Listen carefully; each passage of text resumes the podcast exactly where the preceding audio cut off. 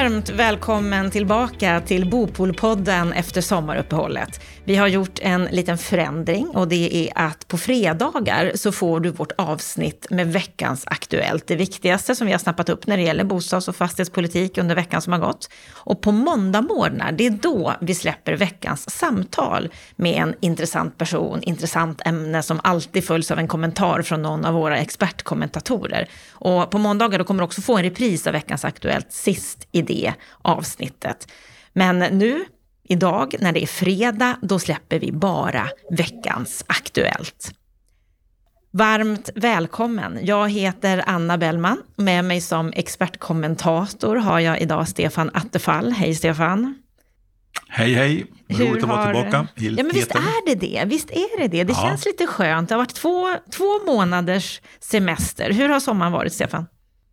Den har varit bra, ganska arbetsam, håller på med massa projekt och, och grejer, men eh, samtidigt trevlig och eh, fått eh, vara uppe i min stuga uppe i Västerbotten och åka vattenskidor och, och få eh, färdigställa en brygga och lite annat. Så du har njutit? Ja, Trots alla jag, projekt. och så ja, känns det bra man... att vara tillbaka. Ja, är du taggad mm. på hösten? Ja. Det är nu bra. Det är bra, för det behövs. För nu ska vi ta tag i det här med bostads och fastighetspolitiken igen. Och om vi tittar bara som en, en översikt under sommaren, har det hänt något speciellt då, tycker du? Eller har det varit ganska lugnt? Nej, det är ganska lugnt under själva sommaren, men det har börjat ta lite fart på debatten tycker jag här under augusti. Och jag har fångat upp ett antal exempel på frågor som jag tycker ändå har varit intressanta och som har lyfts eh, stora diskussionen var kanske i samband med den här omstartskonventionen som kom i måndags i, från Handelskammaren i Stockholm. Eh, tänkte ta upp den i slutet av det här veckans Aktuellt, men det har ju hänt också mm. en del andra saker, både debattartiklar ja, och annat. Precis, vi avslutar med omstartskommissionen och börjar istället med någonting som, som jag vet att du har snappat upp som, som är en stor trend och som det har pratats ganska mycket om, vikten av att bygga i trä. Men det är inte alla som menar att man bara ska göra det. Nej, alltså det är ju en trend och man ser det som mest klimatvänliga sätt att bygga bostäder och så. Men eh, det är klart att det finns flera aspekter på det här och eh, det kom faktiskt en debattartikel i och för sig från kanske partsintressenter, nämligen Annika Brännmark och Johan Lindström från Plåt och Väntföretagen som skrev i Expressens debattsida den eh, 17 augusti. Att eh, när det är så här varmt till exempel, så glöm inte att olika material beter sig på olika sätt. Och de pekar just på detta med att det är betong exempelvis, den lagrar den kyla som ändå blir på natten och håll kvar den i husen medan träet inte har den kapaciteten, vilket gör att du får lite varmare hus på dagarna när det är varmt och, tapp, och inte får nytta av att det går, temperaturen går ner på nätterna.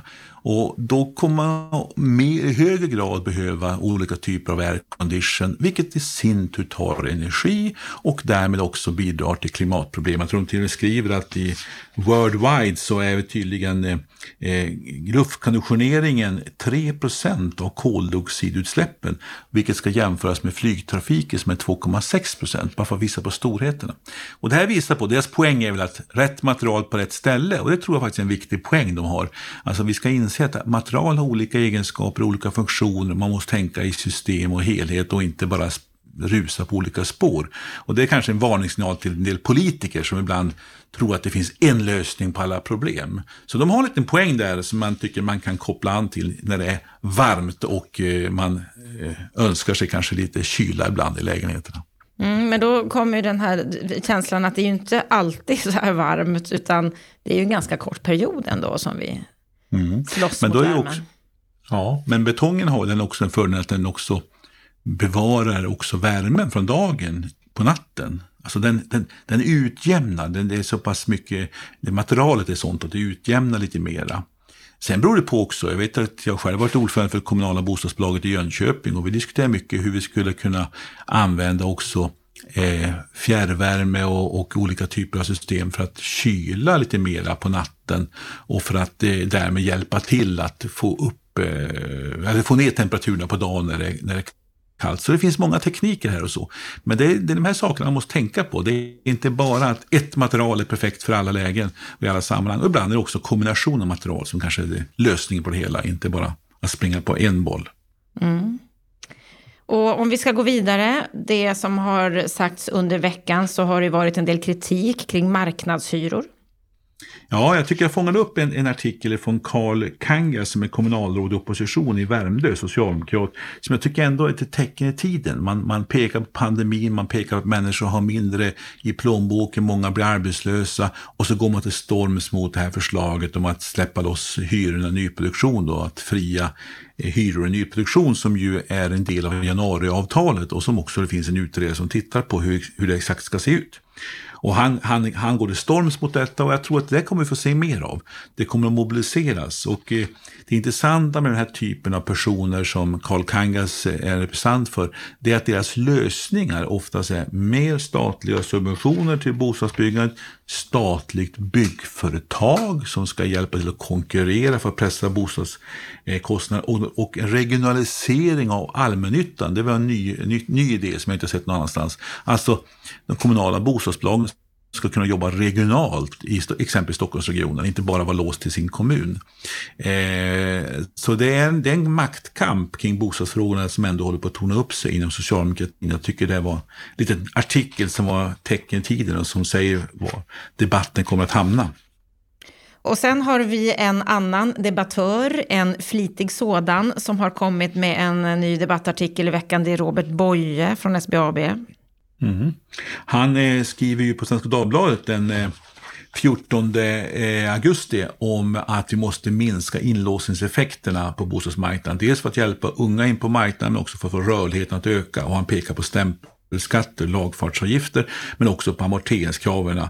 Han tycker ju att man inte bara ska pausa amorteringskraven utan ta bort dem helt. Och han vill ta bort uppskovstaket, det vill säga när man får flytta vinsten man har och och eh, flytta in i nästa boende.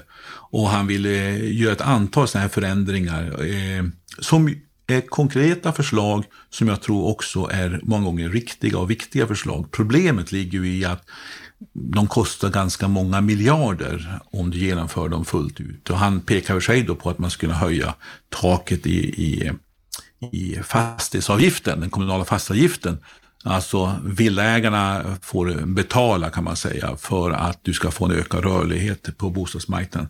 Det är ju en känsligare fråga, men han har ett tänkande som jag ändå tycker är intressant. Så läs gärna artikeln från den 14 augusti. Eh, bomarknaden behöver bli mer rörlig för det finns faktiskt en del intressanta resonemang där tycker jag. Är det någonting i det här som är, som är nytt i hans resonemang tycker du? Ja, det är möjligt att han, han, är mer tydlig här på att också ge sig på uppskovstaken. Han pekar på att man ska eh, försöka eh, kvitta kapitalförluster på bostäder mot tidigare framtida vinster. Det vill säga, har jag sålt med förlust, vilket ju drabbar ett antal människor ibland, så ska man också kunna kvitta de förlusterna mot framtida eh, vinster och därmed göra det lättare för människor att våga lämna ett boende, även om det blir förlust vid försäljningen. Så att han har utvecklat, tycker jag, det resonemang som jag känner igen från andra sammanhang och blir mer precis. Jag tycker det finns mycket värdefullt att ta med här och här skulle ju kanske omstadskommissionen kunna stjäla en del idéer när de kanske inte var så konkreta som jag skulle önska i det mm. sammanhanget. Mm, vi ska återkomma till dem alldeles strax, men, men först har vi en artikel till som har varit i veckan, nämligen detta om att pengar flyttar till heta bostäder. Ja, och det där tycker jag är en spännande fråga. Dels att skilja ut, man talar om eh, fastighetsmarknaden, så blandar man ofta ihop bostadsfastigheter och kommersiella fastigheter. Kommersiella fastigheter, alltså kontorslokaler och handelsytor eh, eh, av olika slag, de har ju haft det jobbigt och också gått sämre på börsen tack vare pandemin och corona. Medan bostadsfastigheter, de bolagen på börsen har gått bättre. Och det här är, är ju viktigt att särskilja de här två, för de jobbar under två helt olika villkor. Jag sitter själv med i styrelsen för ett eh, bostadsfastighetsbolag och vi ser ju hur, hur, hur det inte alls har påverkat eh, hyresgästernas betalningsvilja, deras förmåga att betala hyror och det är nästan till och med högre betalningsfrekvens efter pandemi, under pandemin än, än före. Utan den lilla, eh, lilla eh, säga, effekten man har av, av corona det är just på de här kommersiella ytorna.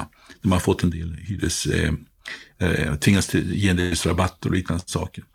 Eh, och artikeln pekar just på detta, hur, hur det söker sig mot den, mot den ska säga, bostadsfastighetssidan här. Och då tar man ett exempel här eh, Dagens Industri, Magnus Dagel som skriver den här artikeln i, i torsdagens eh, eh, Dagens Industri, att eh, pekar på John Mattsson och Heba, två stycken fastighetsbolag som har mycket bostäder i Stockholm, att de har direktavkastning eh, på 2,6 procent. Och 2,6 procent låter ju jättelite. Men om du har en belåningsgrad på låga 50 procent eh, så blir det ett, en avkastning på det egna kapitalet på 3,5 procent om man har exempelvis 1,75 procents ränta på halva lånet, då, eller på lånet som är på, till halva värdet. Alltså 3,75 procents 3,5 procents eh, eh, avkastning på de egna insatta pengarna på bostäder där du har ruskigt låg risk på att någon på att inte du ska få kunna få uthyrt och där du vet att hyressättningssystemet ger med kompensation för stigande kostnader Alltså det är nästan som att köpa en statsobligation och det är framförallt mycket bättre avkastning. Och det här förklarar ju varför det är så intressant för pensionsfonder, för mycket av, av, av eh, kapitalet att söka sig till bostadsfastigheter. Det är säkra pengar och det är framförallt också en stabil, låg men stabil och rejäl avkastning. Och det här är liksom grejen som jag tror många inte har fattat. Och så blandar man kommersiella fastigheter med bostadsfastigheter. Men det är två skilda världar som faktiskt är eh, man måste hålla isär. Och, och sagt för börsen har upptäckt detta och värderar upp de här bolagen mycket mer än vad man värderar de här eh, kommersiella fastighetsbolagen. Sen är många också har ju blandat bestånd också med både och. Mm. Ja, det är mycket, mycket att hålla koll på och hålla isär. Och eh, sen har vi då avslutningsvis det vi ska ta upp här i veckans Aktuellt, som ju också samtalet i Bopelpodden den här veckan handlar om, nämligen omstartskommissionen.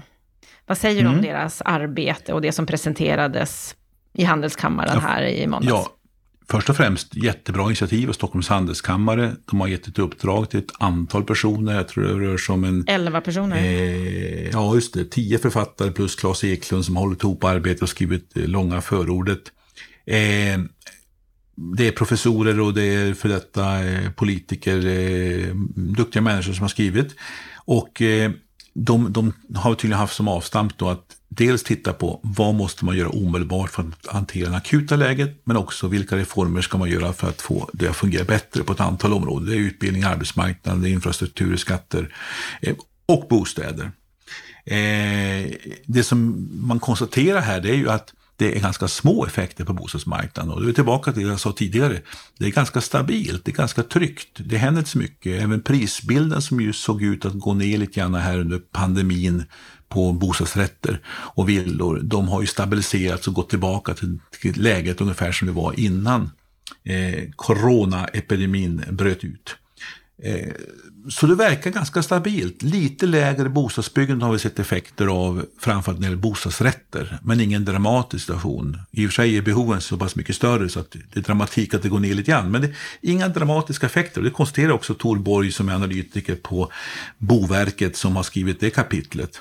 Eh, eh Lars Hultkrantz här skriver om infrastruktur och han har ju pekat på mycket av behovet av elektrifiering av vägar och av eh, tung trafik som eh, lanserar han som viktiga förslag. Och sen är han kritisk mot eh, höghastighetstågsprojektet och ska, det ska läggas på is tycker han då. Vilket ju en del andra i den här kommissionen inte höll med honom om. Men, men det innehåller mycket. Tycker en, en aspekt till som jag vill ändå nämna innan ta upp lite mer om, om Torborg och, bo, och bostadsfrågorna. Det är ju att man pratar, flera författare pratar, bland annat Lars Calmfors och Åsa Hansson, pratar om vikten av en skattereform. Och då har de eh, ögonen just på bostadssektorn och höja fastighetsskatter och liknande saker. Jag tror Åsa Hansson talade på seminariet om att återinföra en fastighetsskatt som ska ge 40 miljarder mer i skatteintäkter. Och alla inser ju då lite grann, då är vi tillbaka till den debatt som var innan man gjorde om den nuvarande fastighetsskatt. Och vilken politiker vågar gå fram med 40 miljarders skattehöjning på boendet? Eh, och det här visar kanske på att en del författare inte kanske har den politiska känslan som kanske erfordras för att man ska vara eh, Nej, för du menar att det är omöjligt att gå fram med ett sådant förslag? Politiskt? Ja, jag, skulle, jag hoppas det är omöjligt. Därför att det vore, ju, det vore ju förödande. Och vi har ju faktiskt också, jag brukar säga så här att det är halvt på skämt, halvt på allvar. När politiker börjar prata om en skattereform, håll i hatten, då kommer det slå mot bostadsmarknaden. Så var det 91-92.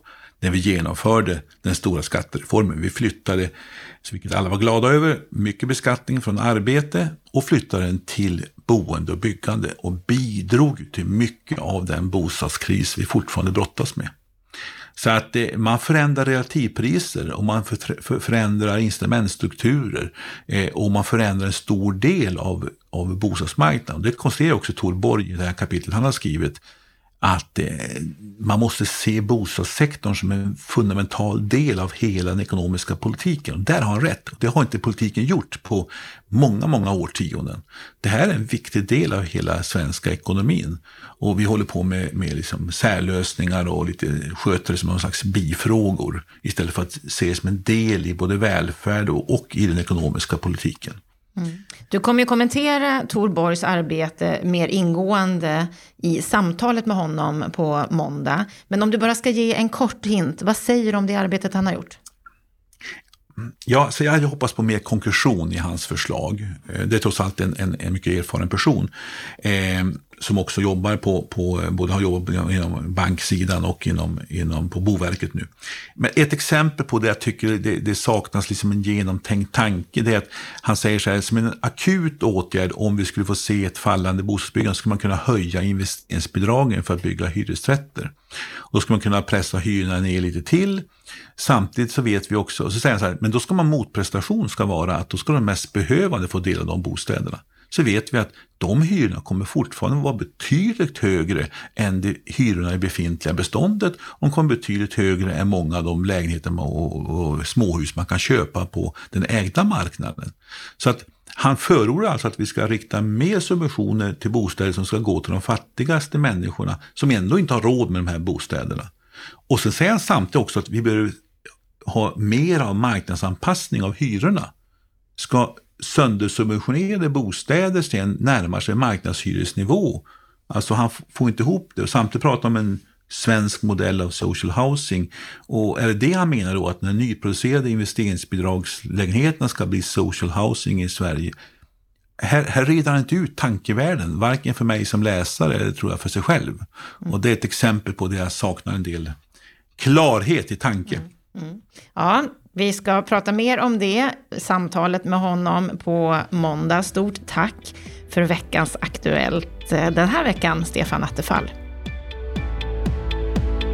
Är det så att du vill komma i kontakt med oss på Bopolpodden, då gör du det på podd.bostadspolitik.se. Det känns fantastiskt roligt att vara igång efter sommaruppehållet igen och jag önskar dig en skön helg och en skön vecka tills vi hörs igen.